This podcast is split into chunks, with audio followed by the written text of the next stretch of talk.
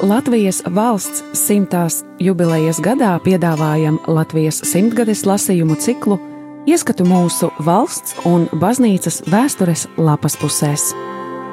Julians Vaivots Septiņi mēneši Liepājas cietoksnī. No 1944. gada 9. oktobra līdz 1945. gada 9. maijam.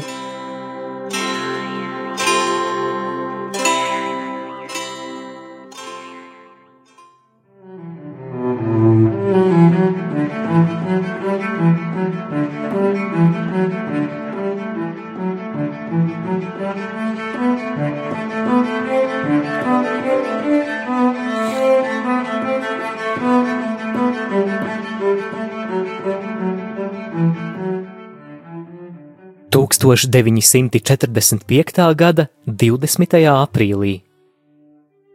Šodien vācu tauta atzīmē sava vadoņa Adolfa Hitlera 56. dzimšanas dienu. Tā iekrīt laikā, kad tautu likteņa cīņa sasniegusi savu kulmināciju, kad šķiet iestājusies vissmagākā šī kara krīze, kad sācies izšķirīgais uzbrukums Vācijas galvaspilsētai, kad daudzu varonīgu vīru vairs nav cīnītāju vidū, un kad dažiem līdz šim krietniem vīriem nervi nav izturējuši, un viņi sabrukuši zem to pienākumu smaguma, kas tiem jāpilda, un ko tie līdz šim pacietīgi pildījuši, raksta Vītols šīs dienas tēvijā.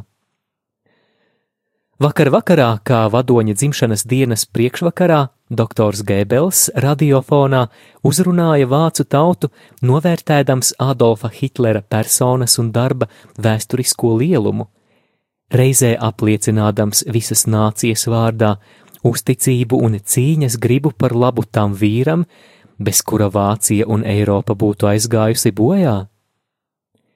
Gebels pastrīpoja – ka viņš sākot ar 1933. gadu šī dienā ir runājis uz vācu tautu un cildinājis vadoni, bet šoreiz tas notiekot ārkārtīgu briesmu laikā priekš visas vācu tautas. Jau vairāk nekā 20 gadus viņš stāvot vadonim blakus kā priecīgās, tā arī bēdu dienās, un tāpēc varot teikt, ka pašreizējais laiks visā savā drūmajā un sāpīgajā lielumā vadonī atradis vienīgi cienīgo reprezentantu. Tādi laiki kā šodien prasot no vadoņa vairāk nekā saprātu, gudrību un enerģiju. Šī laika pārvarēšanai nepieciešama neatlaidība un izturība, sirds un dvēseles drošsirdība, kāda vēsturē parādās tikai reti. Par pašreizējā kara iemeslu doktors Gebels uzskata vāciešu priekšlaicīgo cīņas izbeigšanu 1918. gada 9. novembrī. Kāpēc to 1939. gada 1. septembrī nācies sākt no jauna? Ja vīrišķīgi un vāciski esot no vadoņa puses izturēt šo cīņu, paļaujoties uz pašu spēkiem un drošību, kā arī uz dieva palīdzību, tad tikpat vīrišķīgi un vāciski esot tautai šādam vadonim sekot bez noteikumiem un uzticīgi, un ienaidnieka sagaidītā baltā padošanās karoga vietā pacelt veco kāšu krusta karogu, atjaunot zvērestu, kuru zvērējuši laimīgajos miera laikos, un pateikties dievam atkal un atkal no jauna, ka tas lielam laikam dāvājis īstu vadoni. Pēc šiem vārdiem doktors Gēbels jautā, vai var būt tāds vācietis, kas tam nepiekristu un kas acu mirkļa skurbumā par lēcu viru pārdotu savas svētās un neatsavināmās tiesības uz lielu nākamo dzīvi. Vēlreiz runātājs uzsver likteņa labvēlību vadonim, kas 20. jūlijā starp kritušiem smagi ievainotiem un trupām licis vadonim palikt neskartam, bet sadragājis ienaidnieka sazvērestības galvu. Domāta Rūzvelta nesenā nāve. Uzklausieties jūs, vācieši! Uz šo vīru šodien visās zemēs raugās miljoniem cilvēku, vēl šaubīdamies un jautādami, vai viņš zina izēju no lielās nelaimes, kas skārusi pasauli. Viņš to tautām rādīs, sauca runātājs un savu runu nobeidz ar lūkšanu, lai viņš mums paliek, kas viņš mums ir un vienmēr bijis - mūsu Hitlers. Laikam gan pašam Gēbelsam apsīkusi ticība vadoņa lielajām spējām, ka atcerējies arī dievu un piesaucis tā palīdzību. Tātad jau viens solis dievam tuvāk. Var iedomāties, cik šis pirmais solis lepnajam nacionālsociālistam bija grūts bet tuvojas galīgais norēķins ar Dievu. Un cik tad grūts tas nebūs? Thank you.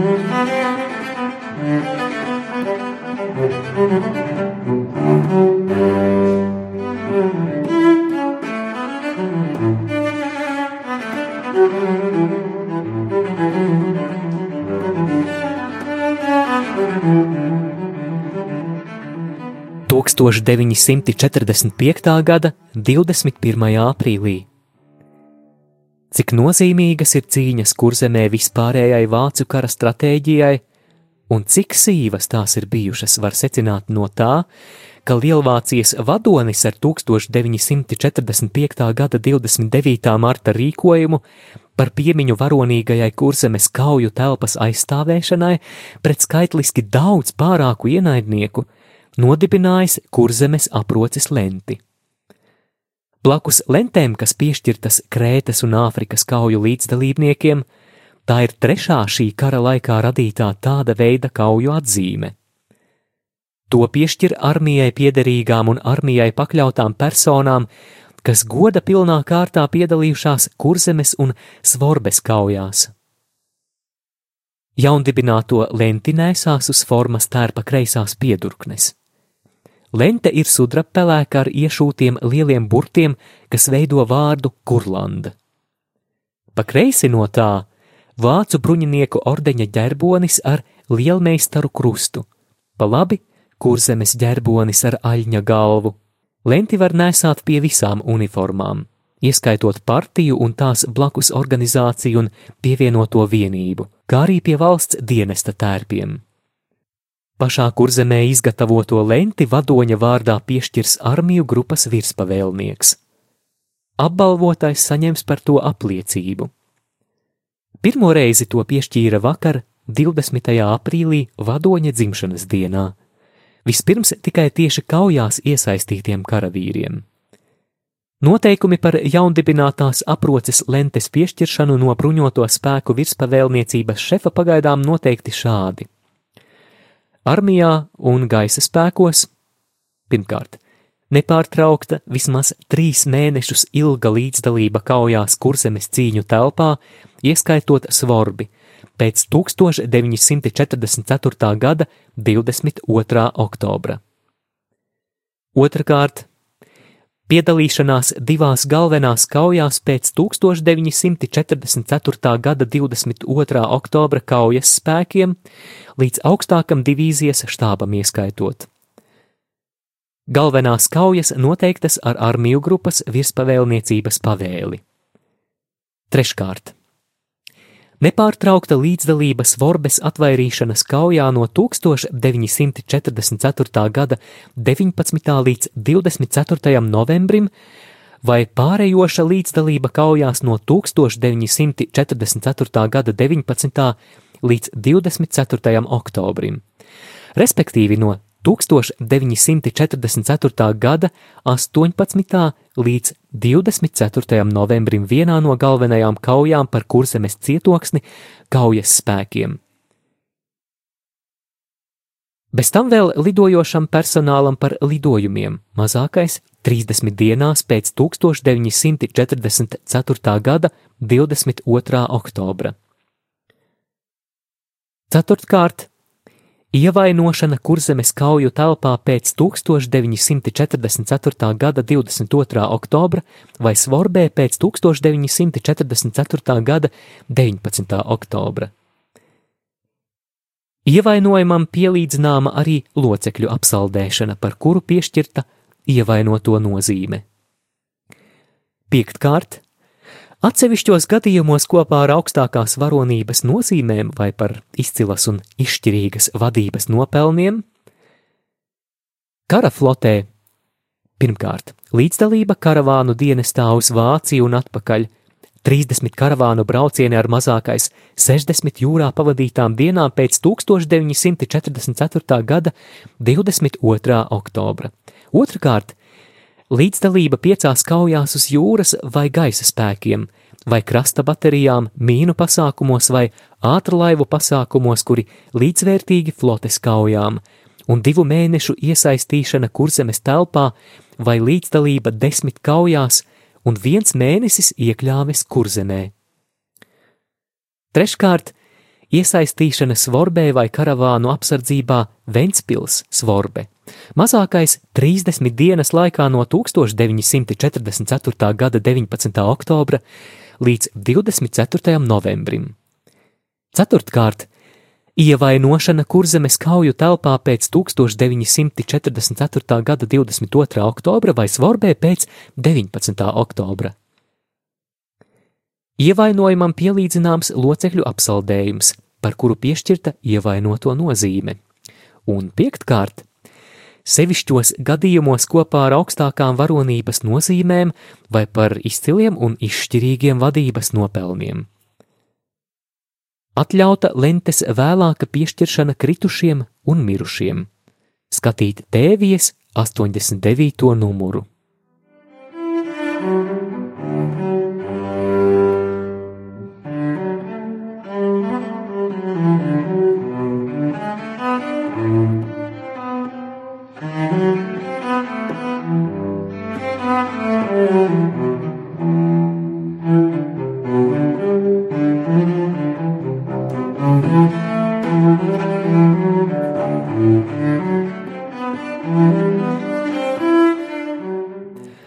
Tūkstoš 945. gada 22. aprīlī. Patiesi, patiesi es jums saku, jūs raudāsit un sērosit, bet pasaule priecāsies. Jūs skumsit, bet jūsu skumjas tiks vērstas priekā. Teikts Svētā Jāņa evanģēlijā 16.20, kas šodien tika lasīts baznīcā. Divi posmi kristīgās baznīcas vēsturē ir sevišķi bagāti skumjām un raudām, un visā pilnībā izbaudījuši evaņģēlie citēto vārdu patiesīgumu, un proti. Pirmie trīs gadsimteņi, kad aizejošais pagānisms cīnījās ar kristīgās ticības ideoloģiju, un 20. gadsimts, kad neopagānisms, atzimdams cerībās iekarot sev visu pasauli, ar vēl lielāku brutalitāti vēršas pret kristīgo baznīcu un tās locekļiem. Kristīgās ticības vajāšana nepalika bez sekām. Gandrīz sestā pasaules daļā baznīcas tika slēgtas, priesteri nonāvēti vai ieslodzīti cietumos, visas reliģiskās emblēmas tautai atņemtas un pat pati kristība jaunajai paudzei liekta. Citā zemē atkal kristīgā ticība nostādīta tikai ciešama ļaunuma, maluma necesārijuma lomā un vienlaicīgi nievāta kā ienīstā žīdisma atvase.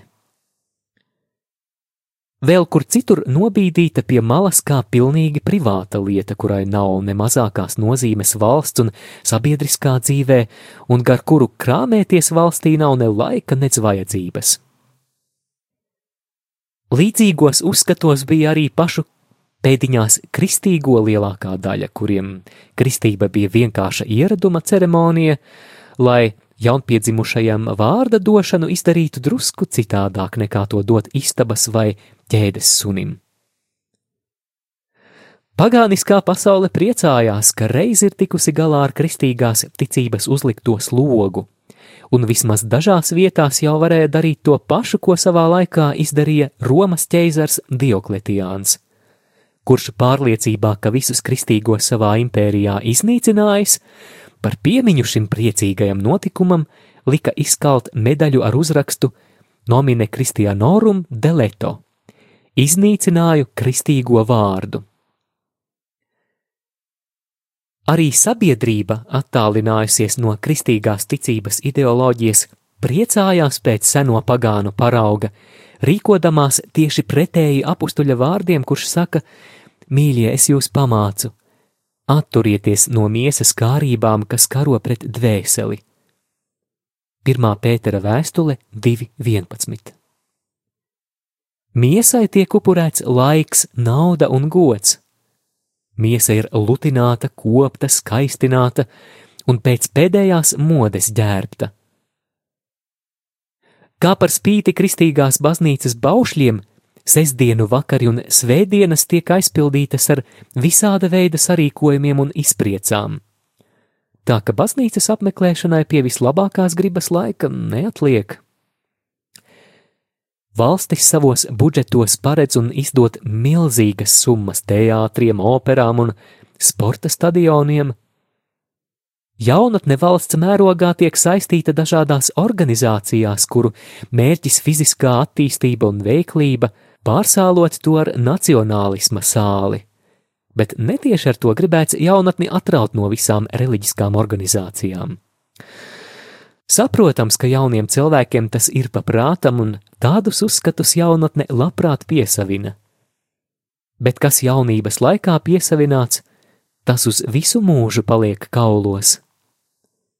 Jung Gevont Altgetan, pie kā jaunībā pieradis to dara vecumā, teica vācu sakām vārds.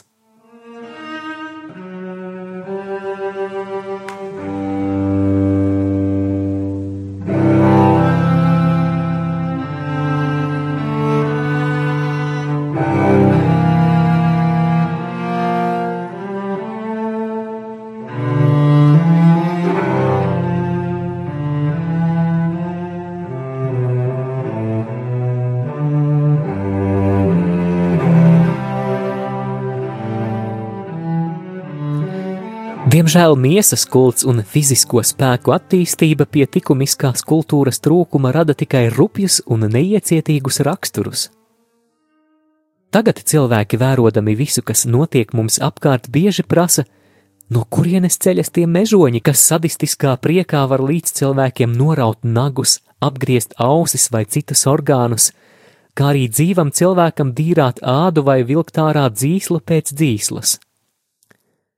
Fiziskais spēks taču tika celts uz modernās audzināšanas altāriem, un kas šos uzskatus pilnībā piesavinājuši, galīgi atkratoties no kristīgās ticības iepotētās pēdiņās vājības, līdzjūtības.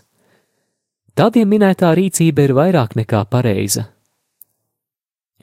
Tā pasaule priecādamās ir iebraukusi tanī ellē, kurā pašreiz gandrīz visai cilvēcei vajag smakt, vaimanāt, un asarās un asinīs slīgt.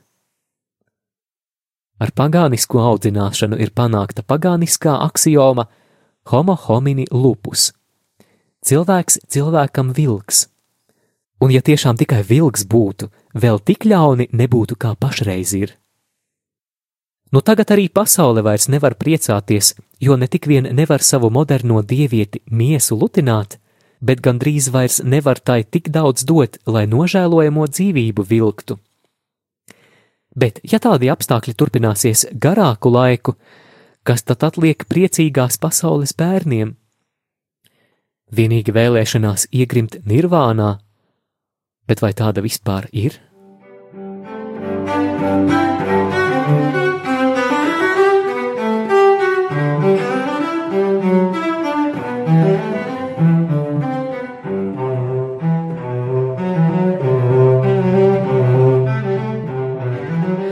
Kāds tomēr var jautāt, ar ko tad šodien atšķiras ticīgo liktenis, jo arī viņi dzīvo tanīs pašos apstākļos un kad to skumjas tiks vērstas priekā. Kad viņas tiks vērstas, par to nav nekādu šaubu, jo par to liecina paša dieva vārdi, un kad? To tikai dievs zina. Bet arī šodien ticīgo cilvēku ciešanas nav tāda izmisuma pilnas kā neticīgo. Krusta filozofija zina katrai ciešanai mērķi, un katrās ciešanās rod mierinājumu. Darbs ar cēlu mērķi, kaut vai cik smags būtu, nekad tā nelauž kaulus kā bezmērķa darbs. Kristīgā ticība ir pat izaudzinājusi svētos, kuru vēlēšanās ir bijusi nomirt vai ciest. Svētās Terēzes lūkšana. Te minēšu vienu piemēru Anglijas karalis Indriķis VIII, sekodams savas miesas kārībām, atstāja likumīgo sievu un atrāvis no vispārējās baznīcas visu Angliju, nodibināja jaunu ticību, kas ļāva viņam aprecēt Annu Bolēnu. Kādā jaukā vakarā pēdiņās jaunlaulātie stāv pie loga lepnajā pilī un priecājas par spožajām zvaigznēm. Anna paliek sentimentāla un sajūsmā saka, ja dieva radītās zvaigznes ir tik skaistas, cik skaistām tad jābūt viņai pasaulē un dieva debesīm. Indriķis nopūšas un saņēmis sievu aiz rokas, atvelk no loga teikdams: Tās debesis, Anna, nav priekš mums abiem. Anglijas karalis Indriķis VIII mācēja priecāties un miesas kārībām kalpot, jo vēlāk mainīja vienu sievu pēc otras, kamēr sestā pārdzīvoja viņu pašu. Bet visus viņa priekus grauza doma, ka nerimstošs tārps, ka dieva debesis nav priekš viņa. Un šis nemirstošais tārps ir spējīgs katram priekam atņemt to, kas viņu priecīgu dara. Ticīgam cilvēkam cerība iegūt debesis ne tikai priekiem dod sparu, bet pat asarām atņem rūkumu un ciešanās remdina sāpes. Vācu dzinieks Heine savā laikā vērodams Eiropas attālināšanos no kristīgās ticības ideāliem, ir teicis, ka, ja nenāks pats par sevi laikmets, kad atkal nodibināsies līdzsvars starp cilvēka miesu un garu, tad kādam mūkam baskājam jāņemot krusts uz pleciem un jāstaigājot pa visas Eiropas valstīm, sludinot cilvēkiem pašaizliekšanās un uzupurēšanās mācību. Jo citādi iestāšoties vispārēja miesas dominēšana pār garu un tai sekošot reformācijas masā - revolūcija. Vēlamais līdzsvars nav iestājies, Revolūcija ir sekojusi revolūcijai, un tās nemaz vēl nedomā izbeigties. Tāpēc vienīgais glābiņš - mācīties no krustā sistā pestītāja, viņa krusta filozofiju un evaņģēlisko tuvākā mīlestību, kas vienīgā var darīt galu mūslaiku dzīves haosam.